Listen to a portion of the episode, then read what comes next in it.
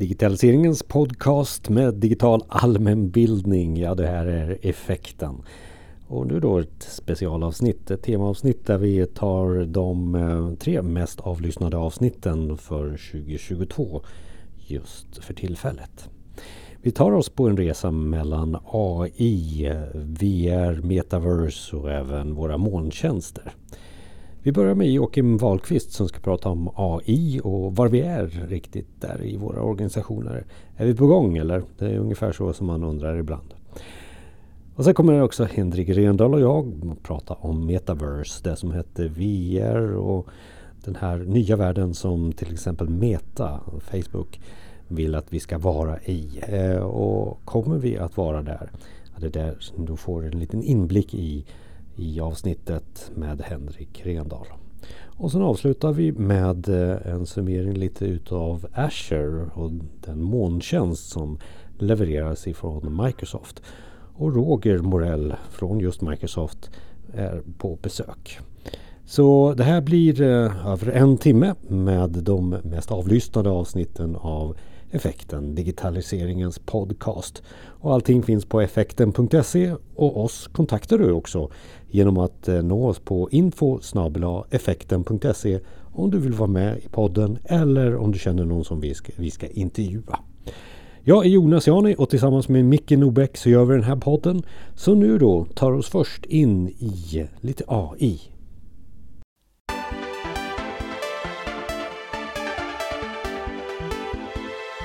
Och eh, AI har vi haft som ämne för drygt två år sedan så var det många avsnitt av podden som handlade om AI.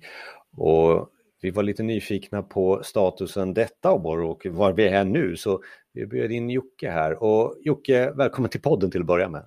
Tack så mycket, trevligt att vara här.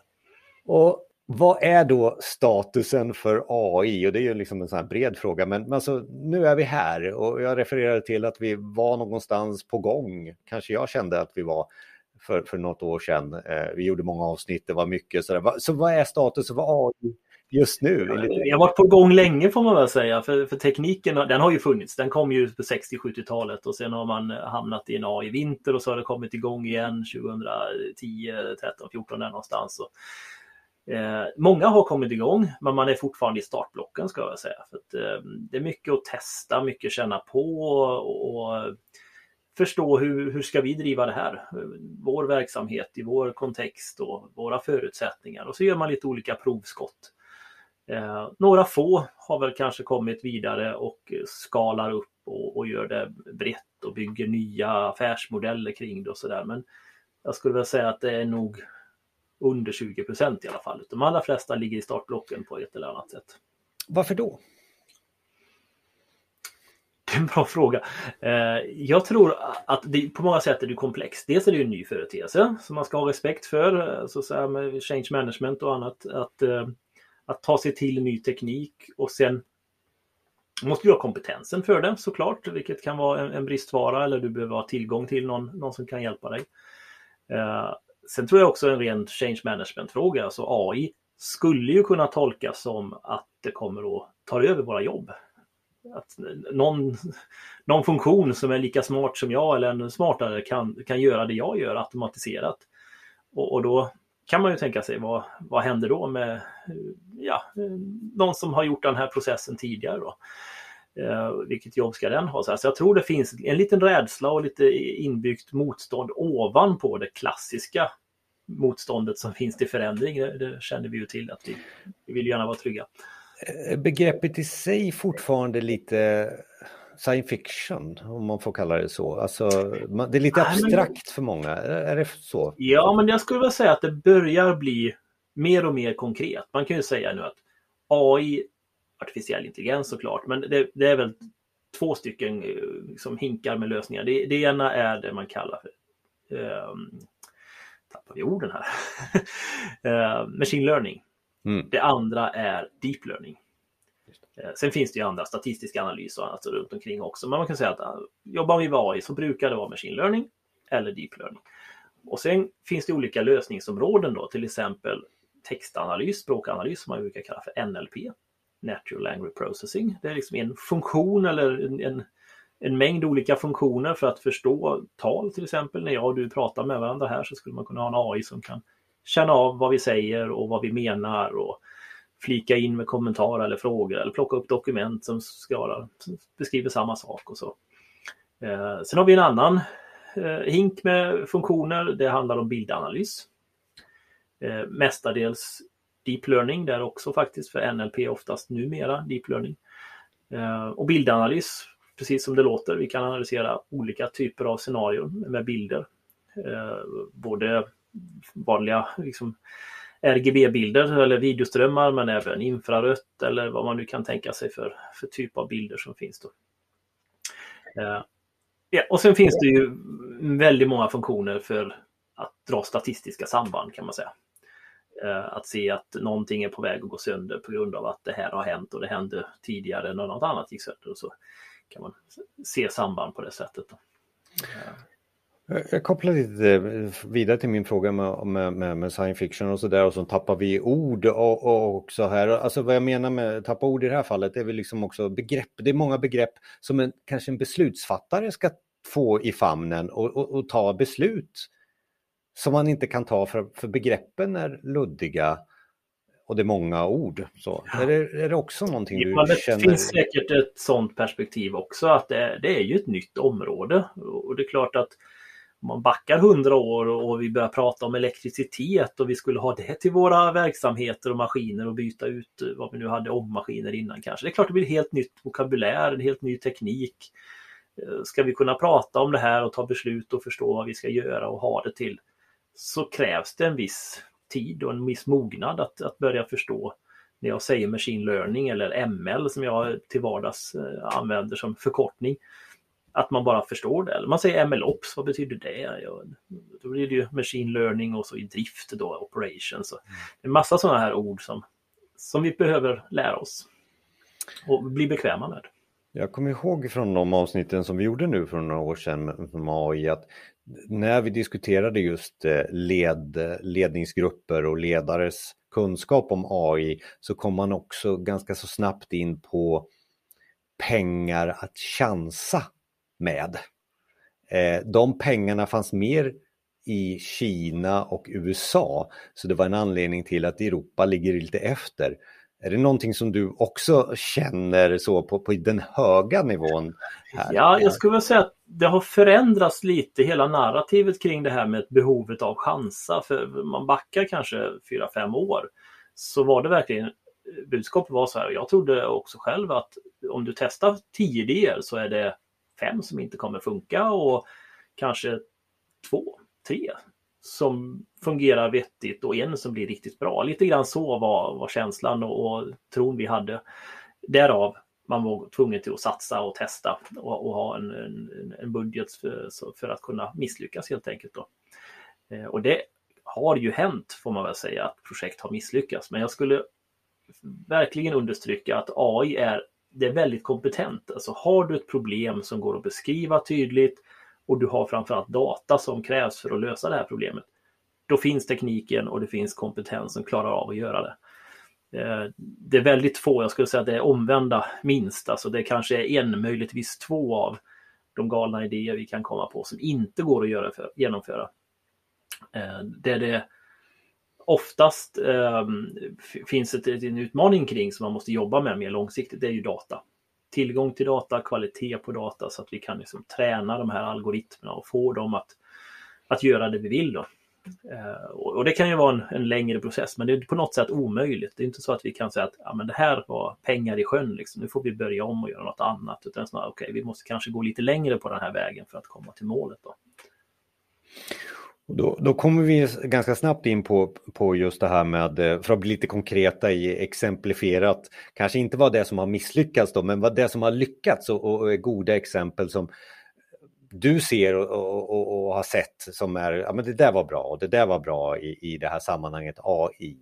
Ja. Jag kan säga att vi, vi har ett, eh, ett samarbete med en kund som jag jobbat med i ett antal år nu som, som höll i, som verkligen började och så gjorde man en proof of concept på ett område. Det handlade om bildanalys och kunna analysera satellitbilder. Eh, och sen gjorde man en proof of concept till i lite annat område, så kan vi se detta istället. Och så gjorde man en tredje och så stod man så att säga på sina axlar hela tiden och lärde sig, tog nästa steg. Till slut så var det inte POC längre, för nu visste vi, det här går. Eh, utan då blev det en MVP, en minimum viable product, så att vi byggde någonting som fungerade. Ett litet system som man kunde liksom testa. Och så gjorde vi en pilot och tog med en kund som var liksom slutanvändare och sen har det här utvecklats i ytterligare steg till att faktiskt bli eh, ett riktigt erbjudande, helt digitalt AI-drivet erbjudande med omsättning in eh, baserat på, på AI och bildanalys. Då. Så att man har liksom haft en ledstjärna på något sätt lite långsiktigt och gjort ett antal steg på vägen, lärt sig, stått på sina egna axlar, tagit nästa steg och till slut under men kanske tre, nästan fyra års tid kommit till en, liksom, riktigt bra position.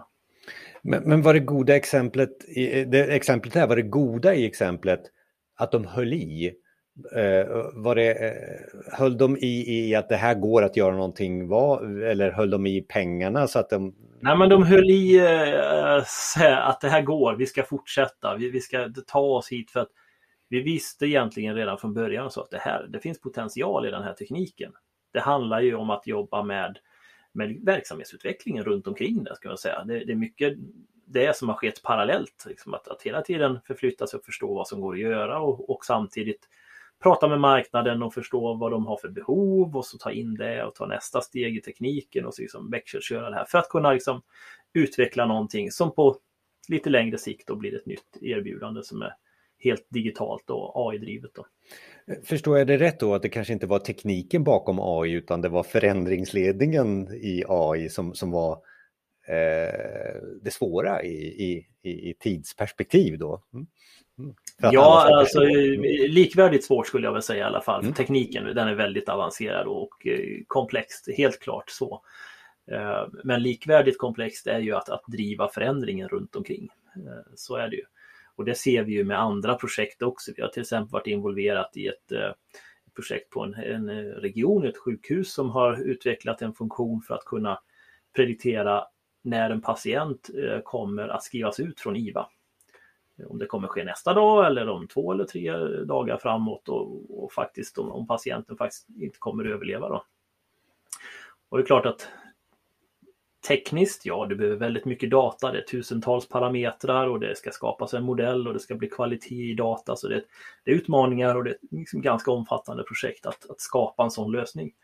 Men samtidigt är det ju väldigt känsliga frågor. Det här är ju inget som du kan lägga i en produktion och helt plötsligt bara börja avgöra och lägga schema och planera för eh, hur du resurssätter en, en IVA, en intensivvårdsavdelning. Då. Eh, utan det krävs en hel del andra aktiviteter runt omkring ett sånt här projekt. Då.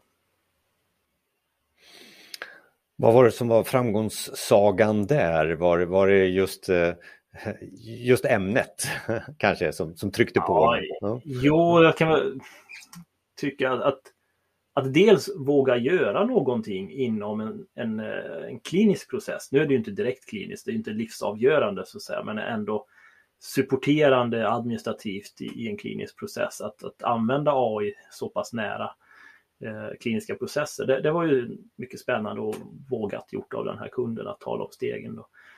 Eh, och sen att man faktiskt har lyckats. Nu, nu, är det så att det finns en machine learning-modell i det här fallet som utvärderar eh, någonstans hundratalet parametrar eh, och eh, ett antal gånger per dygn kan tala om och säga att så här ser den förmodande beläggningen ut framåt. Då tillsammans med en vårdtyngd, så, så här, hur, hur krävande patienten är i form av vård. Då.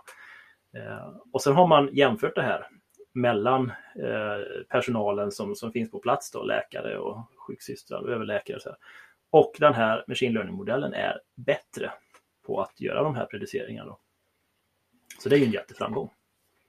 Något mer så här eh exempel som, som du har på näthinnan?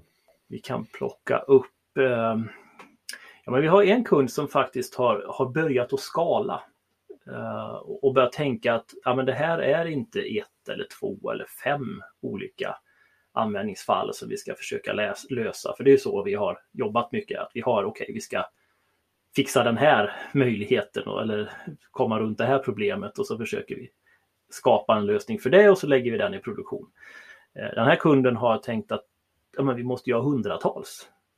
Eller ännu fler. Det måste ju vara precis överallt. Varenda liten del i verksamheten måste ju genomsyras av automation baserat på data, AI och annan teknik då i framtiden. Så hur kommer vi dit?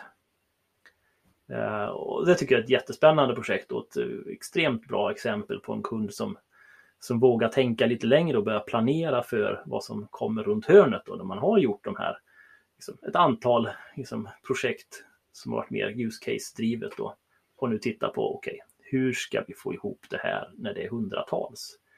Och då kommer ju sådana ord som jag precis nämnde innan då, MLOps, Machine Learning Operation. Hur fungerar AI i en driftsituation? Och det är ju väldigt annorlunda om man jämför med att uh, bygga en mobilapp. Då vet du att den mobilappen den kommer funka som den gjorde när du releasar den om ingen ändrar underliggande operativsystem och sådär. Så du behöver liksom inte ligga och testa den här appen varje dag och se att den fortfarande funkar som den ska. För någon skrev ju koden och den ser likadan ut så den funkar. Men när det gäller AI så tränar du upp en AI på data och sen validerar du liksom eller eh, kör en prediktion baserat på data som uppdateras hela tiden. Och datat representerar ju verkligheten och den är ju live. Verkligheten förändras alltid, det vet vi. Ingenting är, är, är likt som det har varit tidigare. Sakta så förändras det och då kommer datat förändras, vilket gör att man kan vara nästan säker på att den modell vi har tagit fram, som vi har tränat och slipat och putsat och fått att fungera så bra, den kommer sakta bli sämre och sämre. Vilket gör att vi måste hela tiden i, i en produktionskontext, varje dag eller varje vecka eller varje månad, validera den och se, fungerar den fortfarande? Håller den de kvalitetsmått som vi har satt upp? Och gör den inte det så måste vi träna om och skicka in en ny modell i produktion. Och har du då 100 modeller eller 200 modeller så måste ju det här ske automatiskt. Man kan ju inte sitta och manuellt hålla koll på och testa alla versioner och flytta fram och tillbaka och varje dag. Det går inte, det måste ske automatiskt. Eh, så när man börjar skala upp AI då är MLOps-konceptet, alltså Machine Learning Operations, då, jätteviktigt. Och få till automationen kring detta, minst lika viktigt. Då ett spännande ämne i sig som vi säkert får återkomma till kanske i något annat avsnitt för att eh, man tänker inte på okej, okay, någonting som är AI som behöver förvaltas. Någonting som, man måste ju nästan ta hand om det precis som vilken person som helst eh, som, som förändras. Eh, och, så att eh, ja, det finns mycket i, i mitt huvud där, eh, men vi kan ta det vid ett separat tillfälle. Eh, för att vad jag vill komma till här på slutet är ju också lite så här, okej, okay, ja, men du har visat på och du, du, har pratat lite om att vi är lite mognare i AI-sammanhanget. Det, det, är någonstans jag känner här. Men, men, men nu då? Alltså hur, hur gör vi så att vi inte gör om det här avsnittet igen om x antal år och känner att alltså, vi har inte kommit någonstans när det gäller AI. Det har vi gjort, men, men den känslan var ju det insteget i det här avsnittet. att Vad är det som har hänt då? Eh, så Jocke, och jag brukar alltid fråga så här på slutet också, vad, vad är det nu receptet på framgång? Om det finns något sådant, eller tankesättet i alla fall om eh, utvecklingen framåt. Mm. Ja. ja, det viktiga här tänker jag, första, det är ju att fortsätta. Att inte se att det här är en eh, one-off grej som vi, nu testar vi och ser om det här funkar, om AI är något för oss och sen lägger man det lite på hyllan. Utan det här behöver ju komma in i, i kulturen i organisationen, att vi måste bli bra på att använda data och automatisera på data. Och för att göra det så är en funktion är AI, kan finnas andra såklart. Eh, och att hela tiden sträva efter det och bygga in funktioner för det i verksamheten. Då. Och då skulle jag väl säga att man behöver finnas på tre arenor eller man ska uttrycka det. Dels en är att samla in data. Tillgängliggöra data, jobba med datakvalitet och ägandeskap, data governance kring data. Och det här är ju något många organisationer har hållit på med i decennier kring data warehouse och BI, liksom, få ordning på data. Nu, nu är det en ny våg eh, kring detta i och med att data har blivit så centralt då, så man brukar prata om modern data platform.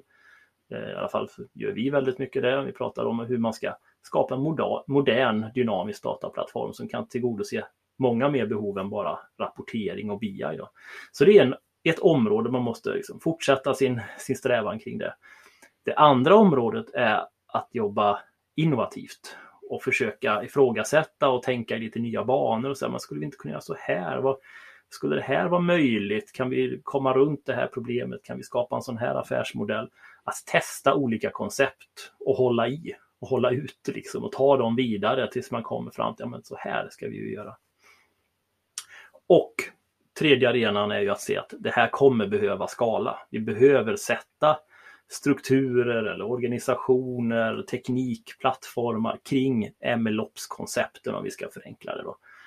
Eh, och se att det är något vi måste starta och börja utveckla och få till en, en, en, kultur på samma sätt som du måste ha en kultur att du måste få ordning på data och se det som en strategiskt viktig tillgång och samma sätt som du måste ha kultur för att driva innovation och tänka nytt hela tiden så måste man också ha ett, få in en kultur av att vi ska försöka automatisera så mycket som möjligt.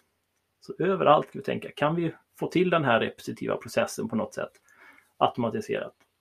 Och då göra det, tänka liksom skala AI. Så de här tre områdena tror jag man behöver verka på, eh, se att de finns eh, och inte lägga dem på rad och tänka vi gör i ordning data först och sen börjar vi innovera, innovera och sen ska vi skala. Då, har vi förmodligen, då får vi komma tillbaka om några år eller något decennium. Utan man behöver lägga de här parallellt och, och, och, det var väl det också som jag, som jag kände på ditt svar här. Alltså att, och det är kanske där som är det nya, att inte göra dem efter varandra utan egentligen starta alla tre strömmar samtidigt. Mm. Eh, och se att de hänger ihop också, för att det, det behöver ju inte vara tre helt parallella företeelser utan de, de, de centrerar ju kring data väldigt uh, snyggt faktiskt. Så att det, det, går att, att driva de här tillsammans. Men man ska samtidigt se till att inte få låsningar då så att man är tvungen till att göra det ena klart innan man kan ta nästa steg. AI är ju inte något lätt ämne att avsluta på bara 20 minuter, men, men om du fick bara så här på slutet eh, eh, sammanfatta vad vi har pratat om och kanske lägga till någonting som, som du vill säga så här på slutet. Ja, sammanfattningen är väl att se att AI, det är konkret. Det finns väldigt mycket konkreta case man kan inspireras av, vad som går att göra. Och det kommer finnas i er verksamhet också många konkreta case som man verkligen börjar grotta ner och se vad finns det för idéer och möjligheter här.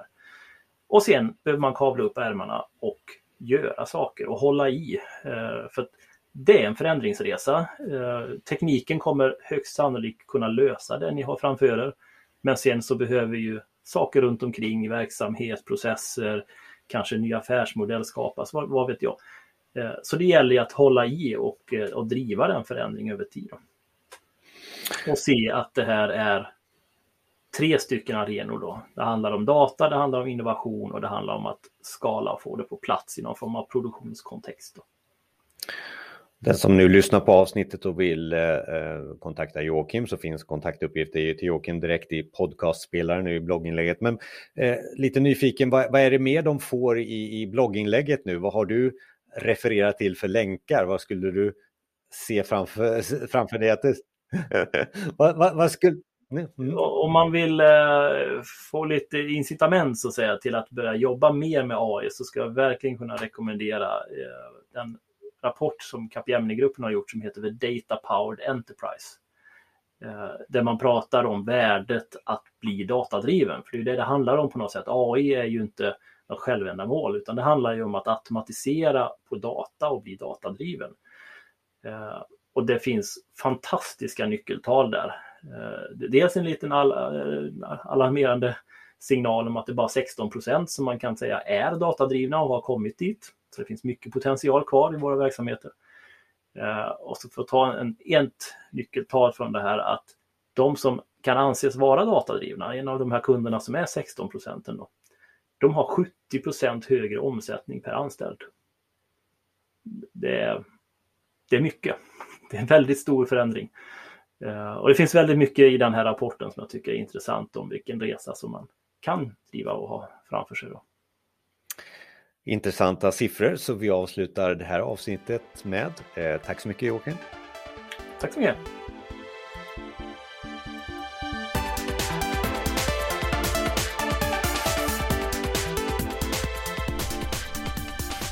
Det här avsnittet finns också som avsnitt 179 i podden Effekten. Joakim Wahlqvist och lite mer länkar till det vi har pratat om finns där i avsnitt 179. Och direkt i din podcastspelare så når du alla länkar förstås. Och hur är det med eh, våran VR, AR och metaverse och mixed reality? Mm. Vi lyssnar från eh, avsnitt 175 här på Henrik Rendahl och mig när vi tar oss in i Metaverse.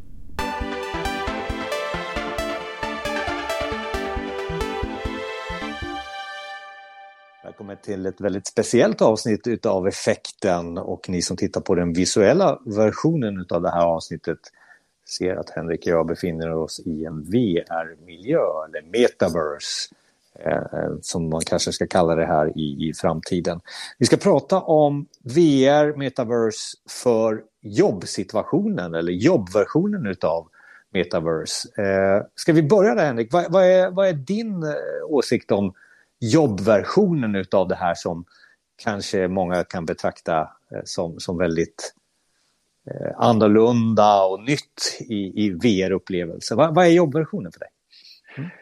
Ja, det är en intressant fråga. Eh, vi har ju börjat prova lite grann med eh, kunder eh, faktiskt. Och det man kan säga är väl att det finns huvudsakligen två typer av upplevelser för mer jobbrelaterade situationer.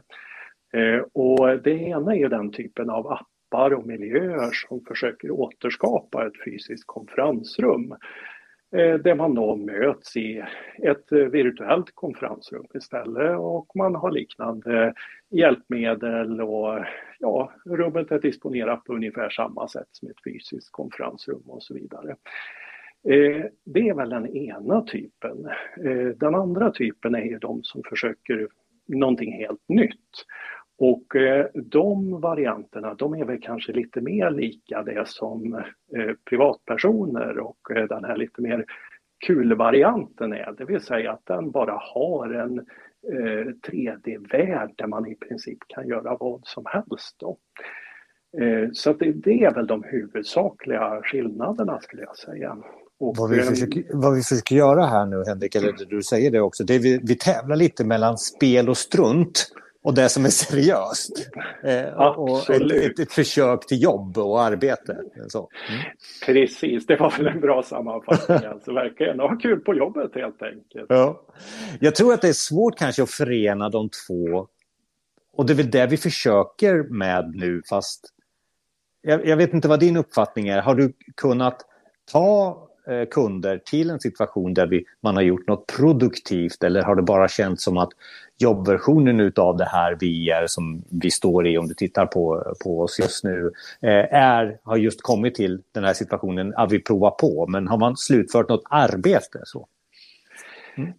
Ja, vi har väl gjort lite försök att slutföra arbete i alla fall. Och man kan väl säga att upplevelsen har väl mycket varit så här att eh, alla är ju supertaggade och får prova det här nya och alla är fulla av energi för att hoppa in i den här världen. Eh, och det första man stöter på då är ju de här väldigt knöliga användarupplevelserna.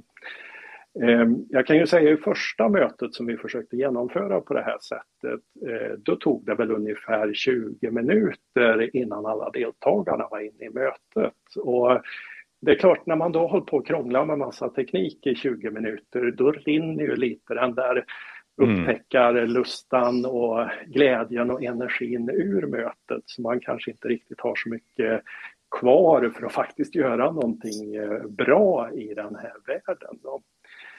Eh, men, men, men, jag får väl, får väl, ändå säga att redan andra försöket där var en betydligt bättre upplevelse då med samma grupp. Eh, för då hade ju alla fattat hur de skulle komma in i mötet och hur man gjorde allting. Och eh, försök nummer två skulle jag väl ändå säga var betydligt mer lyckat där vi faktiskt genomförde något som skulle kunna liknas med eh, ja, någon sorts workshop eller liknande eller någon idéprocess egentligen. Då. Ja, och, och, du, vi har ju förberett det här avsnittet och du har ju mött min frustration. Eh, just det där i, i eh, som du kanske nämnde där, att det tog 20 minuter att, att komma in. Eh, min frustration gick ju in, ut på att jag inte kanske känner att jag är tillfreds med alla gränssnitt som den här världen nu erbjuder där man ska ta i luften och man ska klicka på rätt sätt. Det är ju inte Windows eller Mac eller någonting man har upplevt utan det är ju helt ett nytt gränssnitt. Samtidigt så är det svårt att komma in. Alltså det var min frustration sammanfattad. Sen hade jag en lite högre oktan kanske i, i, i i det här också. Men, ja. Jag förstår inte alls vad du menar. Eh, vi får väl inte ta med svordomarna här i det här poddavsnittet i alla fall. Va? Ja. Nej, men jag, jag, tror att, alltså, jag tror att det är det som just nu kanske är det, det stora hindret eh, för att komma in. så.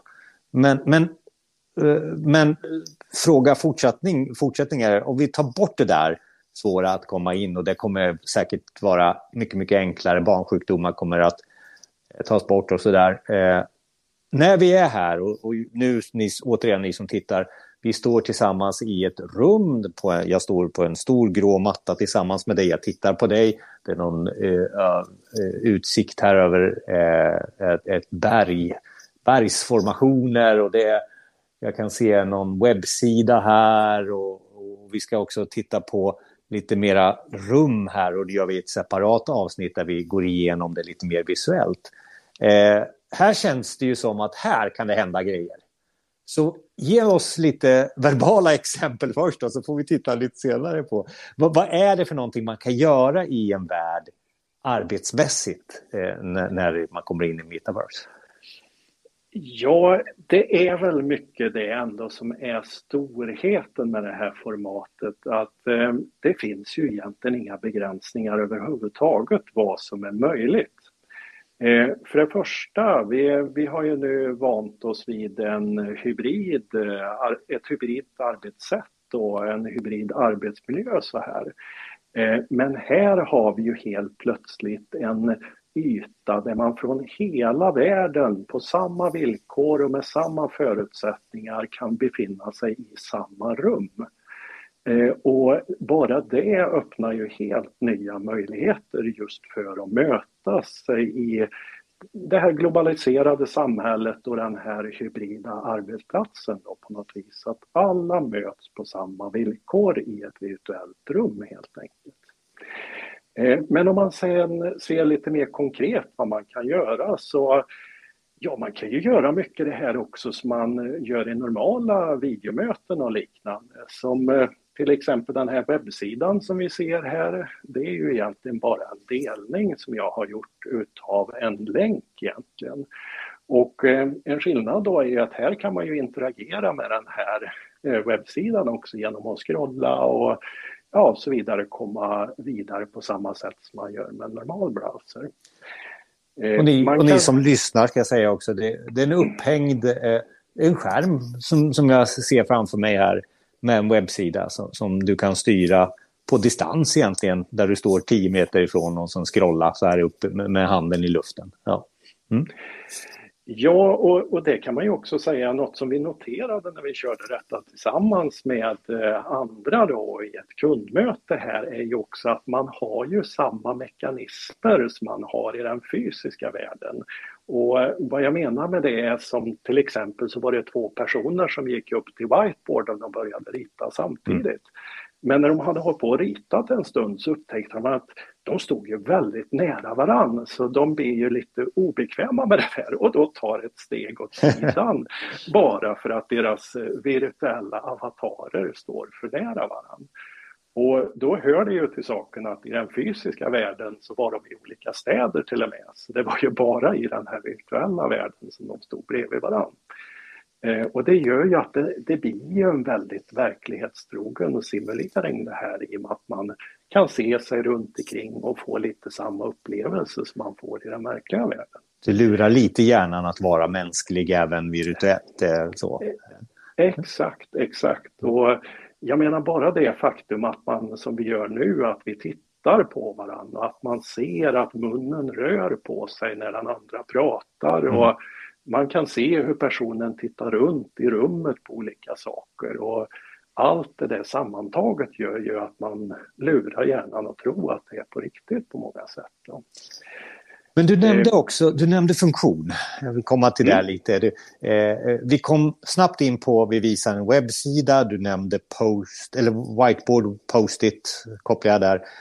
Är det bara workshop vi ska prata om här i den här metaverse? Eller är det funktioner för annat också? Mm.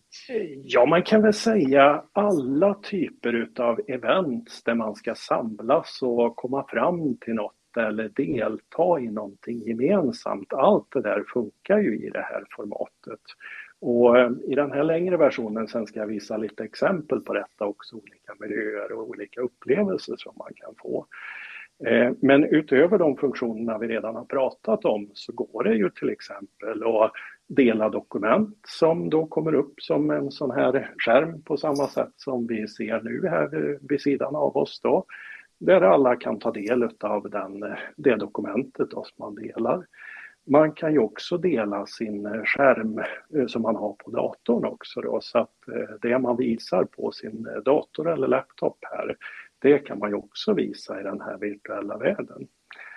Och eh, sen finns det också integrationer med diverse tjänster också där man kan få in content från dessa tjänster då, så att man kan dela till exempel en Slack eller en Figma eller Miro eller någonting annat eh, i den här världen. Då. Google Drive och Microsoft 365 såg jag också. Så, så att, eh, de har ju tänkt lite just i den här världen. Det finns ju flera. Absolut. Mm, mm. Eh, ja, jag var inne lite på, på funktion och, och, och, och, vad man ska jobba med. Eh, jag har sett själv exempel på auditorier. Eh, jag har själv sett exempel på eh, det här med, med, med workshop.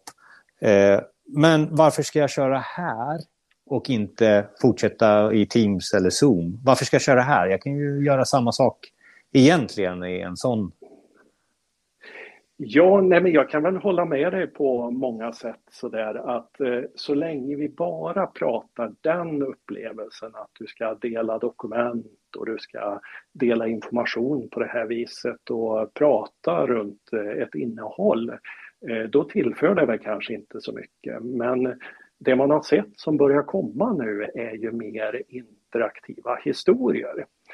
Eh, så istället för att du till exempel då skapar en PowerPoint som du visar för din kund eller för dina kollegor eh, så kan du då istället skapa en interaktiv historia i den här VR-världen som du tar dem med i istället. Så att då blir alltså presentationen, det blir den här förflyttningen i världen istället. Mm, mm, mm. Och, och då får man ju en helt annan upplevelse för eh, då blir det ju som en del utav en film eller du blir en del av presentationen helt enkelt, vilket ju är någonting helt nytt får man ändå säga. Då. När kommer vi dit? När alla ska känna så? Ja, eh, det är väl med eh, den här produkten precis som alla andra produkter att det kommer vara en evolution i detta. Att, eh, om vi minns tillbaka hur videokonferensprodukterna såg ut när de kom för ett antal år sedan då var de ju väldigt simpla och ganska knöliga att använda. Men de har ju utvecklats över tid och likadant tror jag det kommer vara med den här produkten. Att vi kommer se en väldigt snabb utveckling både när det kommer till användarvänlighet men också när det kommer till funktionalitet. Eh, och där ser man ju redan nu då att det finns exempel på de här interaktiva historierna då, att de går att skapa. Eh, men än så länge så kräver det ganska stor kunskap runt omkring de verktygen som finns eh, sedan tidigare för att skapa interaktivt material. Eh, men jag kan ju tänka mig att inom en snar framtid så kommer vi nog kunna skapa dem direkt i den här världen. Att vi, vi kommer kunna skapa vår interaktiva historia på det sättet som vi interagerar nu egentligen. Och då pratar vi någonting helt annat tror jag.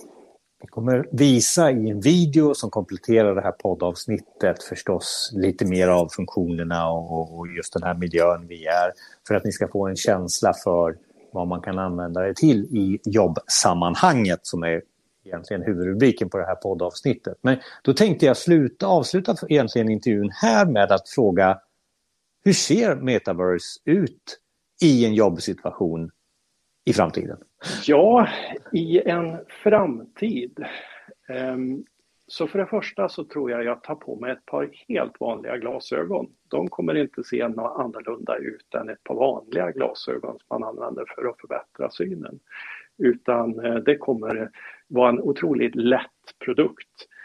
Eh, när jag kommer in och sätter på mig de här glasögonen, då kommer jag direkt in i min vanliga arbetsyta som jag är van vid att vara i. Och jag kommer också ha ett mycket mer intuitivt interface så att allting jag gör kommer ske naturligt eh, och eh, jag kommer snabbt eh, till skott och in i det som jag är van vid. Jag kommer också ha tillgång till allting som jag har i min fysiska värld.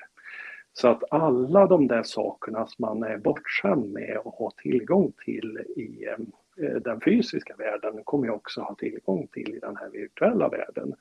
Och det kommer förmodligen i mångt och mycket se ut på samma sätt också. Eh, så jag tänker lite grann att det blir som en eh, digital tvilling utav den miljön där du faktiskt sitter i som du utgår ifrån. Så övergången till den virtuella världen kommer upplevas som väldigt odramatisk egentligen. Kommer det bli eh. en, en, en värld av både VR och AR? Är det, är det så du syftar på då om man ska använda de här uttrycken? Mm. Ja, men absolut. Det, det, tror jag nog ändå är mycket framtiden, så här den här kombinationen egentligen utav AR och VR för olika sammanhang egentligen. Och eh, där får man väl se lite hur tekniken utvecklas då, men eh, det kanske blir svårt att få till en VR-upplevelse med de här lite mer lättviktiga glasögonen till exempel och så, så då kanske det är AR framförallt som man får förhålla sig till i så fall. Och så får man Musks eh, Neuralink istället tills eh, man får den där riktiga lättviktiga. Eh, men då, då, vi väntar ju på en del teknik. Du sa Elon Musk här nu till exempel. Eh, mm. Vi väntar på Apple och så. Eh, är det båda de här ryktena och det som man ser, är det åt det här hållet som du säger, den här enkelheten utav lättare hårdvara, enklare eh, gränssnitt? Ja, men absolut. Framförallt tror jag vi pratar om lättare headsets i nästa generation här. För eh, det var ju som vi pratade lite om eh, innan intervjun här, just att de här headsetsen som finns idag, de är ju ganska tunga och otympliga och ska man sitta en hel arbetsdag med ett sånt här headset då kommer man nog ha nackproblem sen efter eller någonting liknande för de, de är ju verkligen inte gjorda för att användas en hel arbetsdag. Men eh, det kunde man ju se nu på eh, de stora teknikmässorna att det kommer ju otroligt mycket spännande grejer. Eh, bland annat så finns det en lins som man sätter på insidan av sina vanliga glasögon som då ger en AR-upplevelse utifrån detta. Och den var inte tyngre och inte större än en vanlig glaslins som sitter i ett par glasögon helt enkelt. Mm. Eh, och det kan man ju också säga att alla de här stora teknikleverantörerna de pytsar ju in enorma pengar i den här världen nu. Och det tror jag ju också är någonting som kommer driva på teknikutvecklingen enormt mycket. Så vi verkligen får till de här eh, bättre upplevelserna. Om man är nyfiken, ska man börja nu eller ska man vänta några månader? Ja, men den bästa tiden är ju alltid nu. Det är klart man ska börja direkt. Det för det är ju ändå så att eh, ja, man, man måste ju ändå testa för att bilda sig en uppfattning om hur det är. Och jag kan ju ta mig själv som exempel där faktiskt, för du och jag hade ju en diskussion för bara någon månad sedan här och jag var ju extremt negativ till detta med metaverse och dess framtid och så vidare. Men jag menar nu när man har hållit på och testat det lite grann så då ser man ju möjligheterna och fantasin skenar iväg vad som kommer vara möjligt i framtiden och så. Och jag tror ju verkligen det där behövs, att man börjar testa och prova för att verkligen förstå vilken framtid vi går emot egentligen. Henrik och jag kommer göra en video på just det här eh, miljön som vi står i och då får ni se lite mera hur det ser ut. Det ligger med en video i, i, i eh, blogginlägget som tillhör det här poddavsnittet. Tack så mycket Henrik. Tack.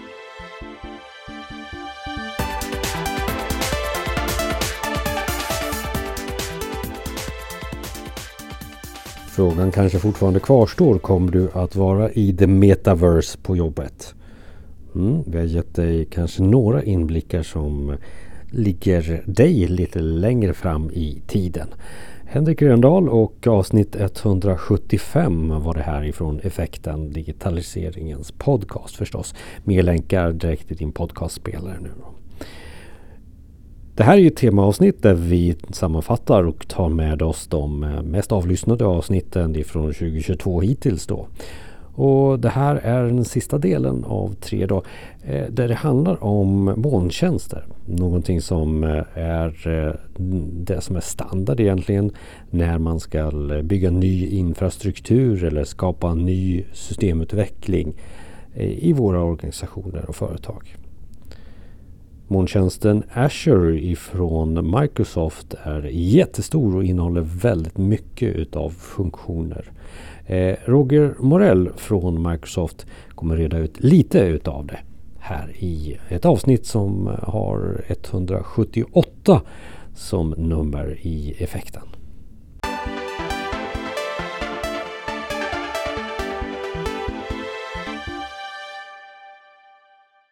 Podden är mer nyfiken på moln och molntjänster och specifikt Azure så bjuder vi in Roger från, från Microsoft. Välkommen! Tack! Eh, Roger, eh, Azure heter Microsofts eh, eh, molntjänster och, och, och molnplattform. Men, men om jag fick ställa frågan, vad, vad är Azure för, för dig då? Vad, vad, vad, skulle du säga då? Ja, först vill jag väl säga att det är en del av Microsofts mål. Vi har ju andra delar också. men Azure för mig som har jobbat med IT ganska länge, det är ju helt enkelt en, det är en plattform eh, där det finns ett väldigt stort antal tjänster idag som, som, som medger att kunderna helt enkelt får, ja, det vi kallar det ju digitalisering idag, den digitala miljön. Att de digitala miljöerna utvecklas och förvaltas effektivare än vad man kan göra i en traditionell miljö. Och med traditionell miljö menar jag då det vi normalt sett har i datahallar idag, det vill säga virtualiserade servrar i väldigt stor mängd. Azure innehåller, det är en plattform för att helt enkelt bygga digitaliseringen vidare om man ska hitta något kärnfriskt. Ja, och det, för många går väl kanske eh, inte till det svaret utan de går till liksom det, det, det, tekniska försprång, alltså det tekniska komponenter eller det är programmering. Eh, eh så. Det är inte där du vill highlighta först hör jag här på ditt, på ditt svar.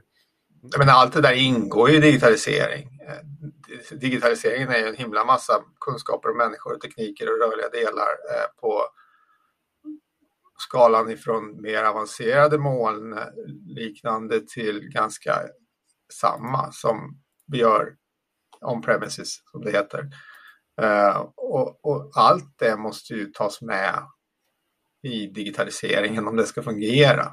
Det går inte bara som, liksom, det väldigt, blir ju väldigt konkret när du kommer till Azure och Azure innehåller stöd på alla nivåer skulle jag säga för, för den som kommer med ett visst behov i sin digitaliseringsresa. Vad skulle du, vad skulle du säga det, det, mest, det mesta av de tjänsterna finns, som finns i Azure? Vilken kategori tillfredsställer det mest då? Ja, ja det är återigen, alltså du, ja, men vi, får nästan, vi får nästan stycka elefanten. Eh, och dels är det ju så, så som det ser ut hos kunderna idag on premises är att det är väldigt mycket servrar därför att man har använt X86-servern så att säga som en, en, en låda. Jag vill inte säga container för det blir sammanblandning med containers, men en låda för en applikation som gör någonting. Och de, sen har man byggt sina tjänster på det sättet.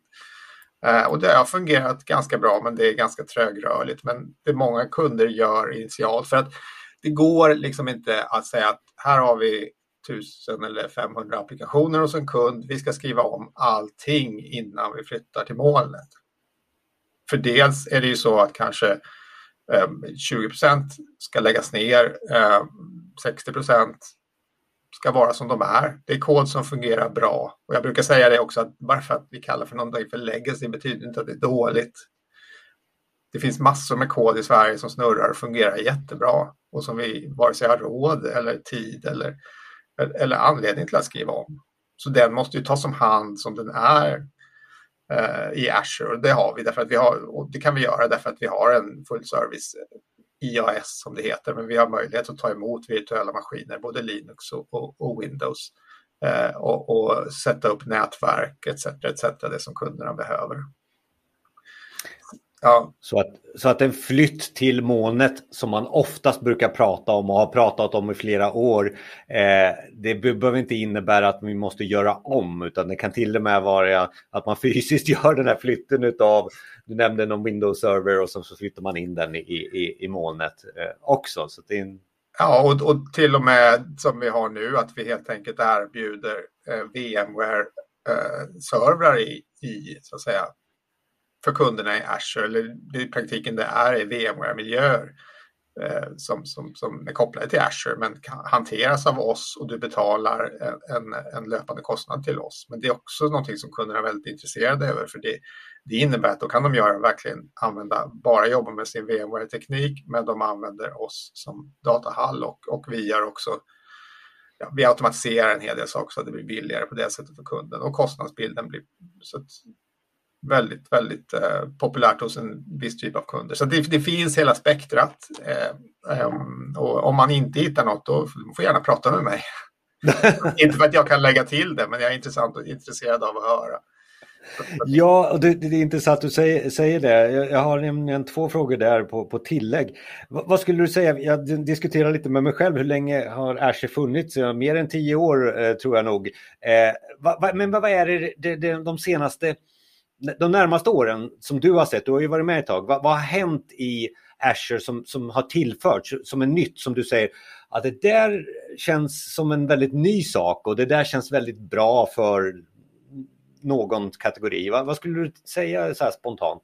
Ja, men jag skulle väl säga att är, alltså, dels är det ju så att vi börjar ju, Microsoft är ju ett plattformsbolag och i och med att det är en global plattform så ser vi ju mönster, det vill säga att många företag kanske sätter ihop saker på ett visst sätt.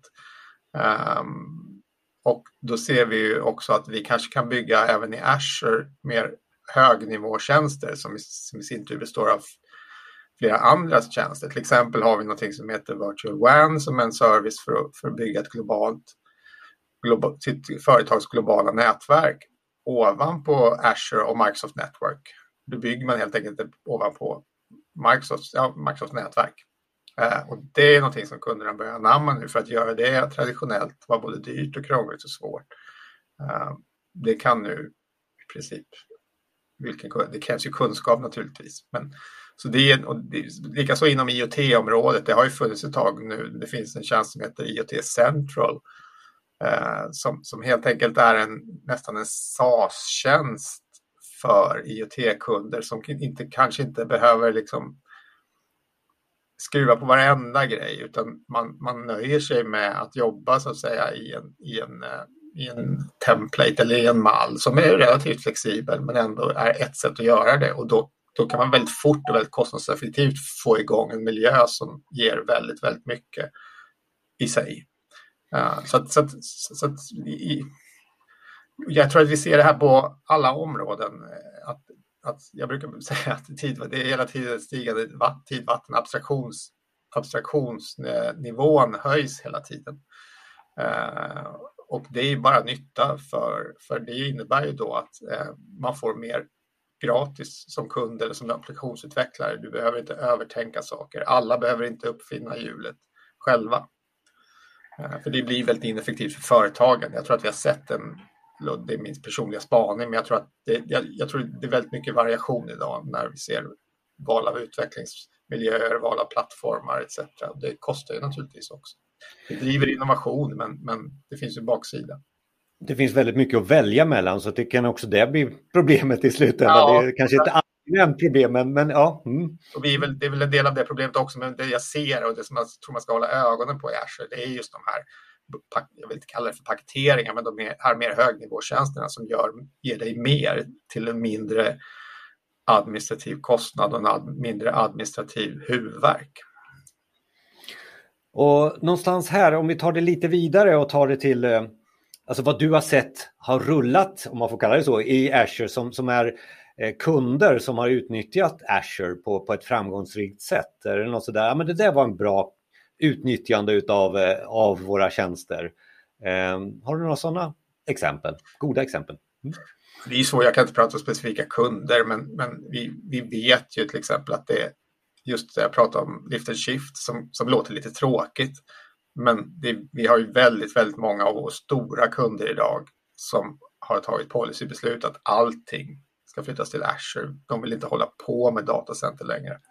Och, och det låter, det är naturligtvis ett stort jobb att göra, men, men, men de migreringarna är väldigt framgångsrika och kunderna blir väldigt nöjda efteråt. Ehm, och det som är stora fördelen där är ju att ja, men då är du i Azure och då slipper du massa saker eh, som du traditionellt måste tänka på om premises oavsett om du är outsourcad eller inte, du måste ändå hålla på med outsourcingkontrakt eller avtal för datacenter, så många tunga beslut och så vidare. Det slipper du. Eh, och då kan du fokusera på, ja men hur, nu, nu är vi i molnet, hur ska jag göra med nästa steg då? Och då ser vi också då att det första, första väldigt framgångsrika steget, det är att göra så att säga eh, en övergång till, till PAS-tjänster som fungerar väl ihop med IAS. Till exempel så kan man titta på um, om, om du kör en massa databasservrar så kan du fundera över behöver jag det eller kan jag nyttja databas som tjänst istället? Det kräver oftast en väldigt liten eh, kodförändring att kunna göra det mindre anpassning och då plötsligt så ligger du på en PAS-tjänst där Microsoft tar hela ansvaret för. Den är evergreen, du behöver aldrig mer fundera över serveruppdateringar eller något för dem och det kostar dig betydligt mindre och är mycket mer flexibel ur skalbarhetssynvinkel. Um, ehm, så där, alltså man, där är de generella stora penseldragen. Um, Sen är det ju, tycker jag, också stora framgångsfaktorn och då kliver vi lite utanför Azure faktiskt. Men, men det som växer väldigt mycket just nu i organisationer det är ju det här som kallas för low code och no code. Alltså man tillhandahåller både för utvecklare som jobbar väldigt nära verksamhet men även verksamhet själv möjligheterna att bygga processautomationer eh, och till och med plugga in AI etc.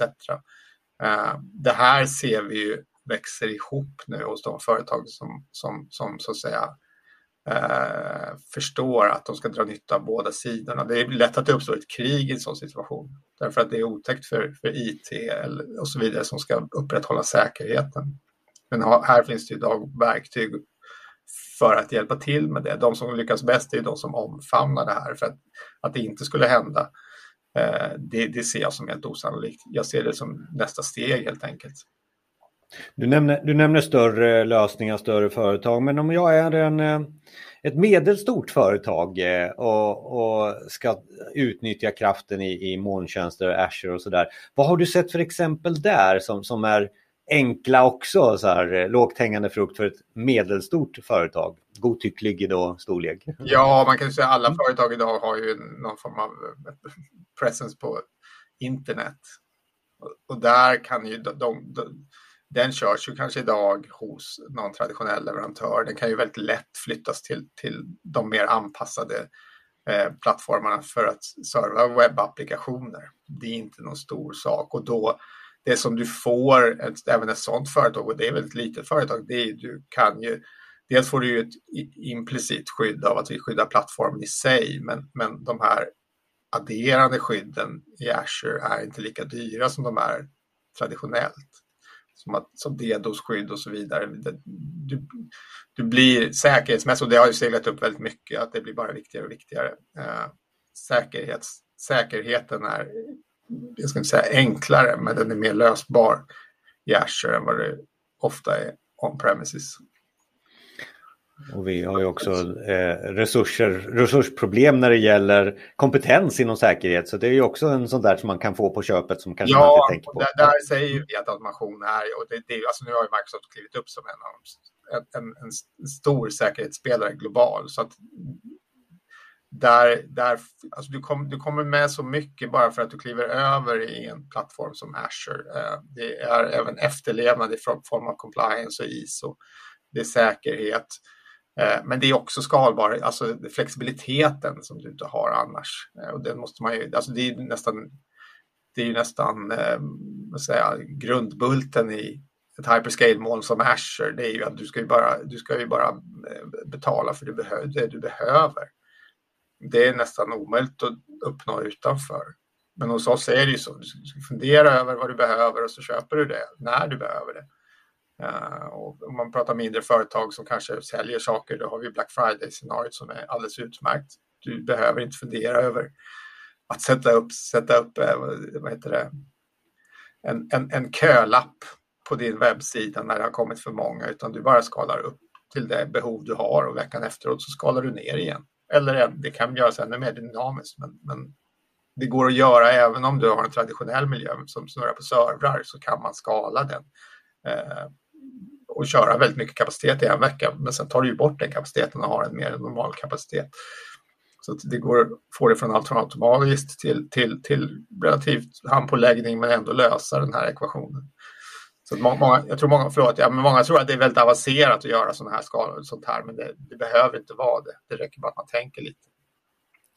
Precis, lite dra och släpp så här kan det Ja, framför, framförallt om du har förutsägbara variationer. Mm. Ja, det, det, det, blir ju ofta så här i, i, en traditionell miljö att ja, men jag ska sätta upp ett system eh, eh, tre gånger om året eller en gång varje kvartal så kommer vi behöva tio gånger kapaciteten. Och så gör man ett investeringsbeslut eh, och så får man fem gånger kapaciteten, vilket innebär att eh, nästan alltid så kör du med överkapacitet och sen när, när det ändå smäller, då har du för lite kapacitet ändå. Och allt blir trögt och alla blir arga. Och det där är också en liten generationsfråga tror jag. Du och jag som har varit med ett tag och sen yngre som, som jobbar med cloud ser ju framför sig just den här resursfrågan att eh, det, kommer, det är bara egentligen Eh, som jag sa, dra och släpp eller guider som säger att ah, jag vill ha det, jag vill ha det och det. Eh, jag hade en kollega som gjorde en sån guide och, sen så valde han just kapacitet på processorkraft. Och jag bara stopp, stopp, stopp, stopp, stopp. vad gjorde du där?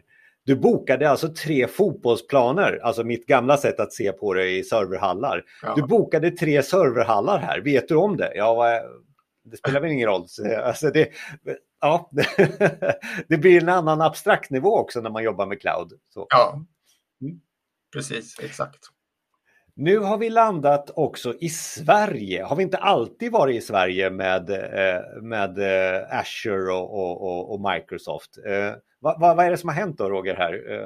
Ja, men det, som, det som har hänt, alltså Azure har ju funnits tillgängligt för svenska kunder, men då har de kanske valt att lägga sig i till exempel Amsterdam eller eller Dublin. Eh, nu har vi en region som det heter på Azure-språk, eller vi har två regioner, men vi har en region som är huvudregionen i, eh, och den heter Sweden Central eh, och den finns fysiskt i Sverige med data at rest i Sverige. Eh, och den är på tre zoner som vi också kallar det i, på Azure-språk. Så att den, finns alltså på tre platser centralt i Sverige.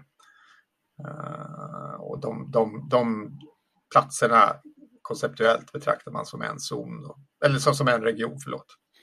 Eh, blir det snabbare, bättre? Vad, vad är skillnaden då från, från att jag bokade i Irland, Amsterdam eller vad det nu är? Först och främst är det ju hållbarhetsperspektivet därför att de här körs ju på förnyelsebar energi, eh, 100 procent. Um, vilket är fantastiskt. Det, det, nu har vi, vi sagt att 2025 så ska alla våra datacenter köras på förnyelsebar energi, men Sverige är i alla fall ett av de som just nu har guldstjärna på det området. Um, det vi också, man också kan göra det är ju att använda någonting som heter eh, Emissions Impact Dashboard som kund. Där kan man då se en, få en återrapportering på vilken typ av CO2-utsläpp man, har, man gör om man ligger i Azure. Det får man ju från Amsterdam också, men man kommer då se att Sverige är bättre på ekvivalent last. Så hållbarhet är ett sätt. För många företag är det viktigt med att eh, datat ligger inom Sveriges gränser. Eh, juridiken oaktat, men bara för att det gör det är viktigt för många. Eh, så att ehm, det ska man inte underskatta. Ehm, sen late, alltså tillgänglighet och latency, visst det är lite snabbare men samtidigt det för vanliga IT-system är inte det, det där generellt sett något problem. Det fungerar precis lika bra nere i Amsterdam som i Sverige. Så jag vill inte överbetona det. Men sen är det ju kunder med specialkrav, finansiella industrin och så vidare tycker det här är väldigt intressant. Um, Ja, sen, sen, är det ju, jag pratar lite pris ofta, men man, men det, man kan göra en prisjämförelse också. Det, den kan mycket väl bli intressant till Sveriges fördel. De som lyssnar vill säkert att eh, vi ska prata mer om den här juridiken och, och Sveriges gränser och sånt där. Jag, jag är lite sådär, vi, vi hoppar den idag. Ja, eh, just det här. För att vi, vi, jag glädjen nog att det, det, är något preliminärt avtal mellan USA och EU på gång. Så. Ja, vi, vi, vi, får ta det i ett separat eh, avsnitt helt enkelt. Men så här, Roger på slutet. Eh, Okej, okay, eh, nu finns det ju flera moln och sådär. Men, men jag ställer frågan i alla fall. Hur ska jag lyckas eh, med, med Azure? Väldigt bred fråga, men hur, hur lyckas jag? Finns det någon sån här framgångs faktorer eller steg 1, 2, 3?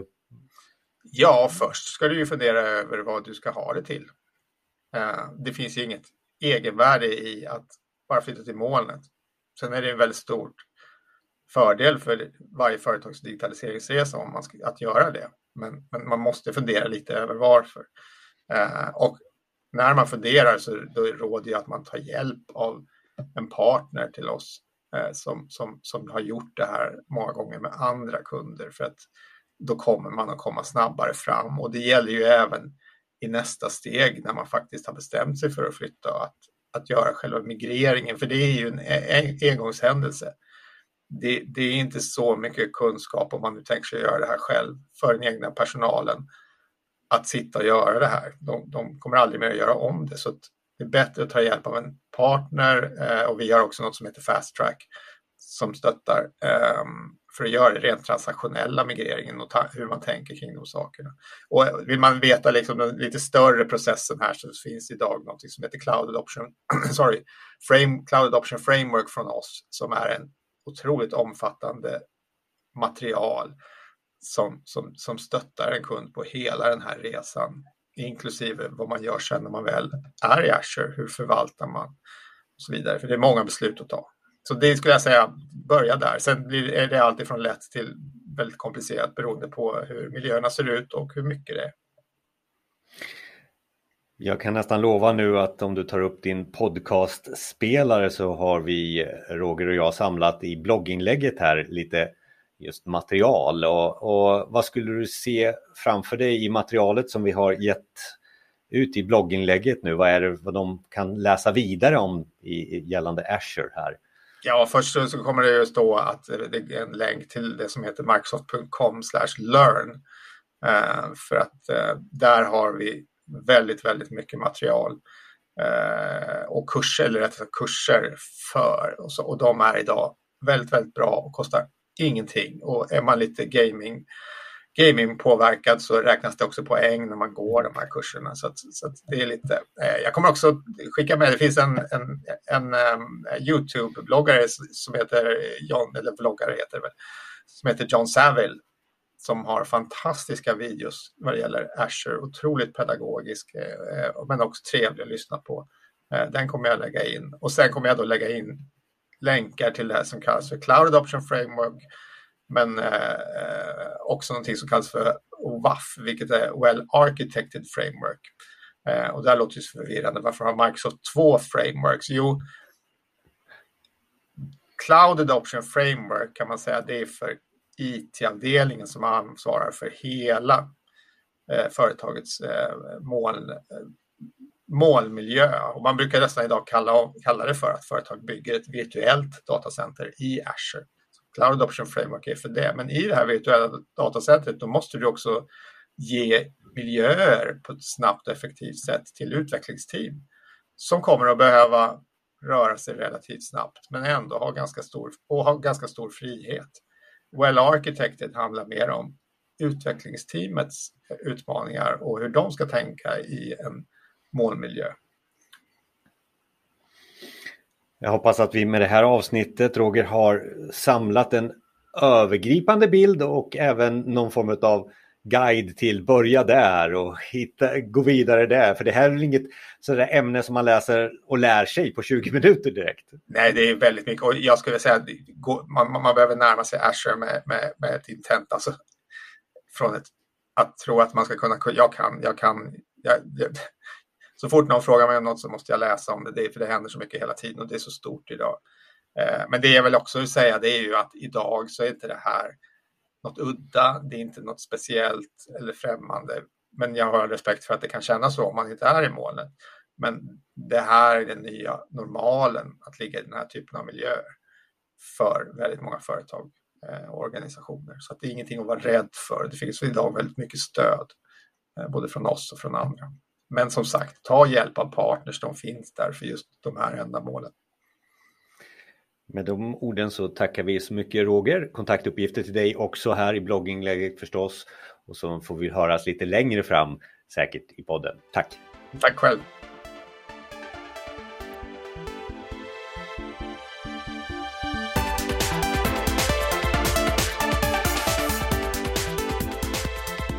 Tack för att du lyssnar till Effekten, digitaliseringens podcast. Så här långt också där du har avnjutit då ett eh, temaavsnitt med eh, de tre mest avlyssnade avsnitten av eh, podden så här långt under det här året.